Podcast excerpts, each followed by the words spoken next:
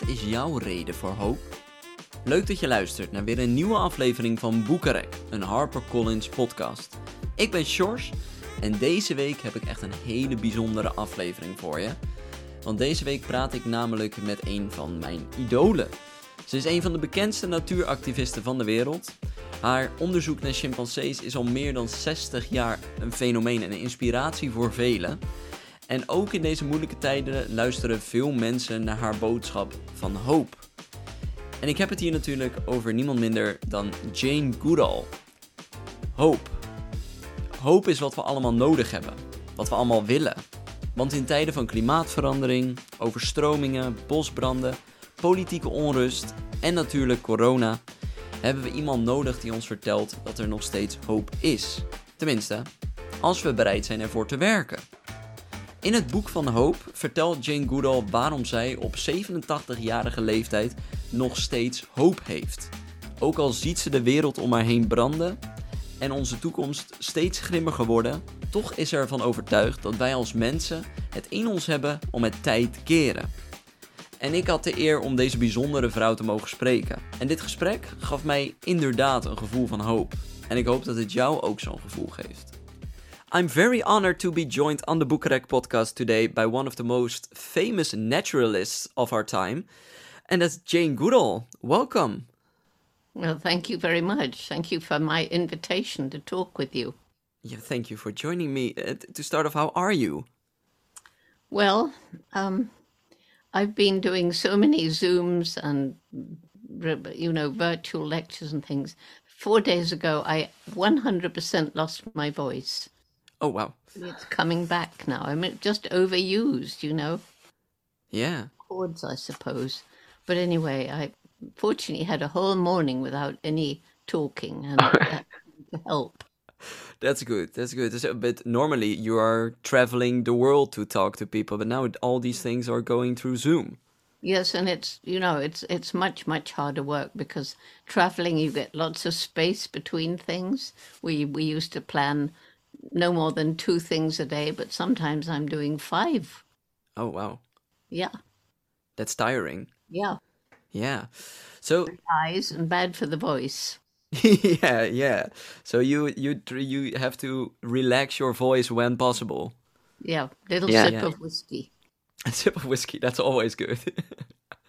Honestly, four different opera singers. I asked them, "What do you do when your voice gets overstrained?" They all said whiskey. Oh wow.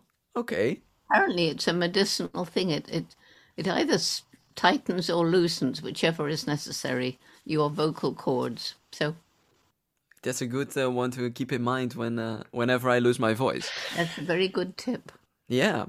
Um, and to start off with a hard question, because uh, we are launching your Book of Hope here in the Netherlands soon. Can you tell me in your own words what is hope?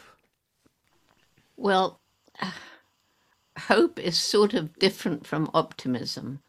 Optimism is something you know, you either have an optimistic outlook or you don't, or you have a pessimistic outlook. Hope is something, it's a goal, but you've got to work for it. You've got to take action. It's not something that just happens. So if I say, well, I hope my voice will get better, I've got to do something about it. I can't just sit there and think, well, if I hope things will work out. No, it, it's something you have to work at. It's not just wishful thinking. It's just you have to work for it. Thinking. I mean, uh, it's very often used in that way. That's the trouble. We use hope differently, don't we? But it, it is not. I don't use it in the in the sense of wishful thinking. And why do you think it is important for people to have some sort of hope? Well, if you don't have hope, uh, if you don't think that your actions will make a difference, why bother to do anything? Let's just eat, drink, and be merry, for tomorrow we die. So, you know, if if you lose hope, you sink into apathy and do nothing. And if we all do that, that's that that's the end. I mean, literally, we've got a window of time. We can start trying to heal the harm we've inflicted on the planet. And uh, if we don't get together and take action, maybe too late. Yeah, because it's it's I can imagine it's very hard to have hope. I mean, it's been a very difficult year. We have had massive floods, we have fires, animal extinctions, and of course the pandemic. How is it? How are we supposed to still have that hope in these troubled times? Well, you know, I've got my four reasons for hope, which I discuss in this book, which is, you know, one, the energy, commitment, and, and passion of young people once they know the problems and we empower them to take action, like in JGI's Roots and Shoots program, which you certainly have in the Netherlands. Yes, we do. And you know they're changing the world as we speak and that, that they give me great hope. And it's in 65 countries now so all ages.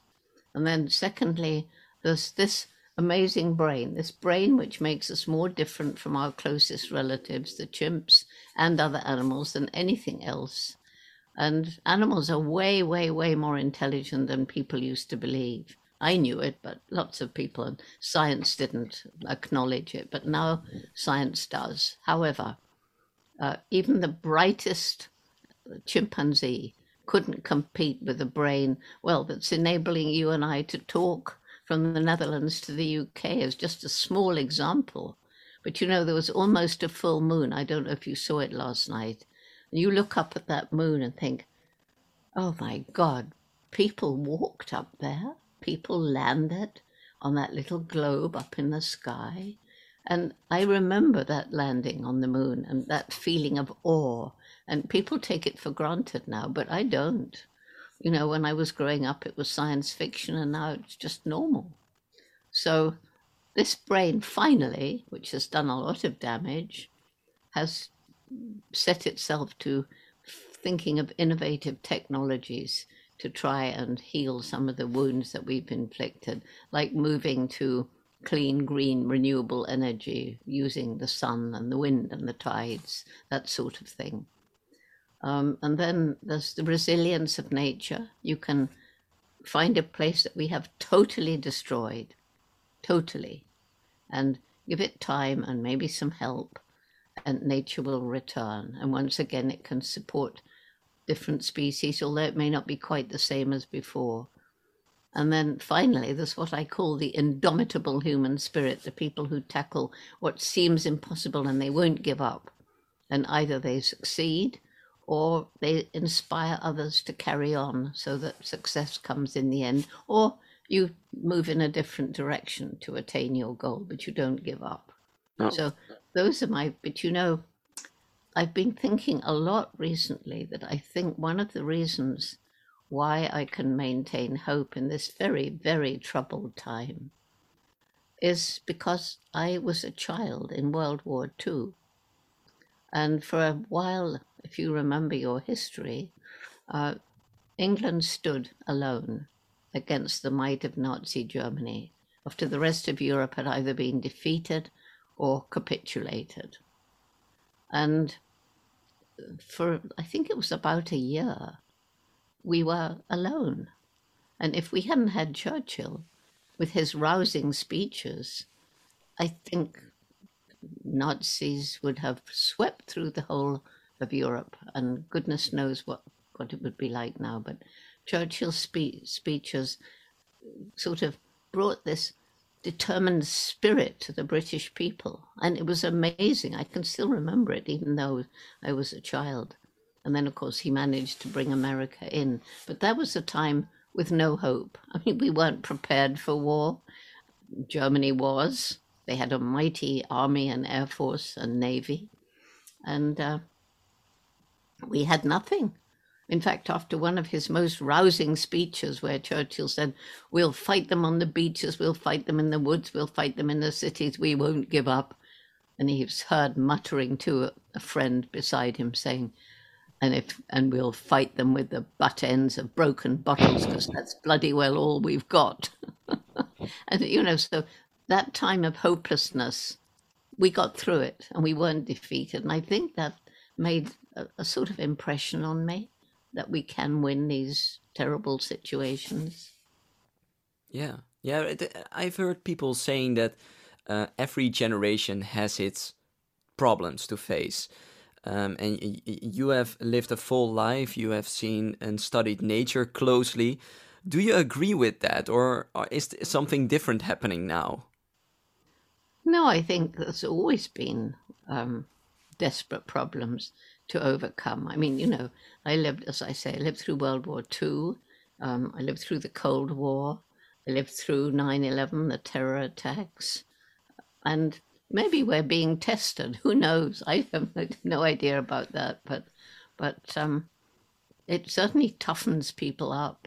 And it certainly makes you, well, I hope that people stop taking things for granted. I mean, we shouldn't take our health for granted. If you've met the number of people I've met who've been, you know, born with terrible afflictions and they, they manage to inspire others, we should not take our health for granted. And that was something else I learned in the war. We were rationed. I mean, in, in the Netherlands, you were starving in the war. And yeah. um, everything was rationed. You learn not to take anything for granted. And because that's gone out of the window now, uh, because people haven't been in that situation, and I'm not blaming them, but there's so much waste. I mean, people just don't think. And no. food is wasted, clothes are wasted, you buy a new uh, um, cell phone and then you get a newer model and you throw the old one away. And we're just creating horrible, horrible waste. Yeah. And, if you look at nature, you, you've spent 60, more than 60 years studying nature. If you look at nature like for 50 years ago, are there things that you you saw that time that you that aren't there anymore? Are there or are completely different now than they were back then? Well in nature itself the, the, the worst thing is the amount of the natural world that we have destroyed. You know i mean it's when I first went to the Serengeti National Park in Tanzania back in 1958, it was a different world. I mean, the animals were everywhere. And you'd go in Kenya along dirt roads and animals on each side, even outside the national park. And of course, all that's gone. So that's the downside. We have destroyed so much during my life. On the upside, there is now so much more awareness, so many more people um, tackling the problems, so many amazing projects out there, which which give you hope. So many incredible people uh, who are inspiring, and I just wish that the news media, of course, they have to tell us the doom and gloom, but they should spend more time on these hopeful stories because if it's all doom and gloom, then you give up. It's not surprising. But you know, there is a lot of positive stuff out there. And we have we have the solutions. We know what we can do to turn things around. But we're so far the majority of people are lacking the will to make the necessary change. They've got nice, comfortable lives, and they don't even want to think about giving up some of that for the sake of the planet. No. And and how do you uh, you you said the the the world is resilient, uh, nature is resilient, but how do you keep that hope? You say, yeah, in the in the war we thought we would get through it, and you did, and there were other crises, and you got through it. But this, how do you? Yeah, did you ever have a moment that you thought, well, it's it's it's it, we can't go any further, it's hopeless? No, I've never felt it's hopeless. Um, I've been angry. I've been angry at the, you know, its governments and its um, businesses, and it's this crazy notion we can have unlimited economic development on a planet of finite natural resources. You know that the annual growth of GDP is more important than saving the environment for the planet and for the future. Um, the, but the, again, the good news is businesses are beginning to change. And a lot of our roots and shoots young people began with secondary school students in 1991. Uh, they're already in positions of decision making and they're maintaining the values they got in our program, which is respect, respect for other people, respect for nature, respect for animals. And so I don't know, it's just we just have to survive, don't we? Yeah. We're born to survive. And uh, tomorrow there is uh, this uh, international Friday for Climate uh, demonstration. It's also here in the Netherlands, which in which people will demonstrate to the governments like uh, you have to do something about climate change. But can you understand that people uh, go there? And I hear a lot of people say, "Yeah, we can go there, but we don't have we, we don't have the idea that people are listening to us." Can you understand that? Yes, I can. And you know, I just am a firm believer in the fact that when people change, they have to change from within. And a demonstration can make people angry. Um, and so I, I tell you, I was talking to the CEO of a big company just last week. And um, he's, it's a company that's really moving towards zero emissions and uh, looking at the ethics of their supply chain and you know the wages that people are being paid. And uh, he said jane we're changing for three reasons. Or we've changed actually. One we've seen the writing on the wall that that these resources we're using are not infinite they're finite. And if we continue to misuse them that's the end of our business and he said secondly consumer pressure. People are beginning to understand. They're beginning to understand that providing they're not really poor, in which case you do what you have to to live. But, but uh, for you and me, for example, we can go into a shop and we can ask, did this product harm the environment? Was it cruel to animals? Is it cheap because of unfair wages or forced labor? And if the answer is yes, don't buy it. And that consumer pressure is growing. And it's the young people growing up and uh, influencing their parents and their grandparents that are helping this move move more quickly. Yeah. But finally, he said, you know, about three years ago, my little girl came home from school. She was about 10.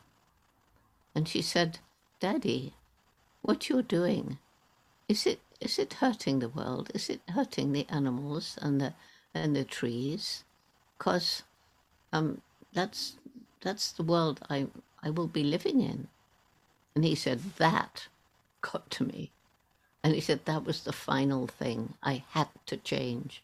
So, you know, when I'm trying to, to get change, I need to reach people's hearts. And one of the best ways is storytelling.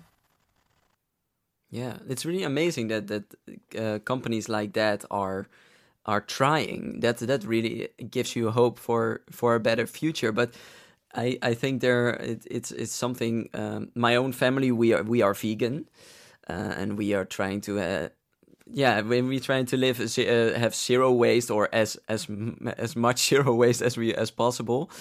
Um, but uh, it's it's hard when you think that everything around you just keeps following some old patterns. And and you do see there are more vegan options and uh, there are plant-based things and zero waste options but there it seems like it's a little bit slow. Um, uh, not really. I mean in some countries it's really whew, you know like right across china first it was vegetarianism and now it's vegan. I mean i just opened a huge new uh, program to encourage people to be vegan across China. And so it, things will always start a little bit slowly, but it's spreading now, and it's partly because people are learning to make vegan food delicious. I mean, at the beginning, if you wanted a vegan meal, you got a, a bit of half cooked vegetable or something awful, almost yeah. inedible. But now, if you go to a really good vegan restaurant, it's some of the best food I've ever tasted. So uh, people are rising to this challenge. And then, of course, for the people who can't bear not to have the taste of meat, you've got the alternatives, plant based alternatives. To, in fact, they're so realistic that I can't eat them because I, I don't like eating meat because of the you know ethics of the torture of animals yeah. in the factory farms. So, and of course, people more people are understanding that these billions of animals in factory farms have to be fed, and huge areas of environment are destroyed to grow the grain, masses of fossil fuel to get the grain to the animals, to the slaughter, to the table. And uh, they're all producing methane gas you know, one of the greenhouse gases. And a lot of water's wasted too, changing vegetable into animal. People are beginning to understand, and it's bound to start slowly. But as it's getting more and more into school curricula, and you hear some of the young people, I was part of a panel yesterday with um, young activists from, I think it was seven different countries. Amazing, articulate, knowing things at the age of one of them gave her talk to the United Nations when she was 12. Oh, wow. And she's uh, 17 now. And my goodness, these young people, if anything can change the world, that's my biggest hope. They are passionate, knowledgeable, articulate, determined. They've started their own NGOs. They're all under 20. Yeah. But but we are always looking at uh, at our at the big companies or our political leaders to to make that change. But uh, the, what would you advise people to do on their own to take that first step? Well, the first step is to think about the choices you make each day. What you buy, what you wear, how do you interact with people, with uh, with animals? Do you bother to report if you see cruelty to an animal? Um, if you see a little plant wilting, do you bother to give it some water? Uh, little things like that. And millions of small ethical choices can move towards quite big change. And that's what's happening. Just yeah, just being mindful about what's happening around us. Yeah. So it, uh, I mean, it, like we said, you you've lived a full life and uh, you've seen a lot of changes, a lot of different people. Uh, can you look back on your life and and say um, that we are on the good path right now? Well, we're on both. I mean, we are conflicted. Yeah. There are leaders of countries that are doing so much harm, and if only the UN had more power, more teeth to enforce what what we all know is, is the moral path forward. But these, whether whether they're government leaders, whether they're involved in trafficking animals and they're up on the top level where people seem unable to prosecute them, you know, those are the people that are the worry.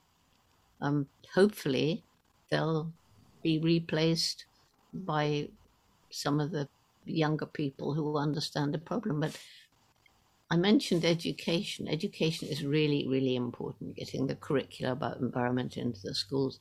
But it has its opposite side, so that there are young people in some countries who are literally believing that if they uh, take part in a terrorist attack, they'll be rewarded in heaven.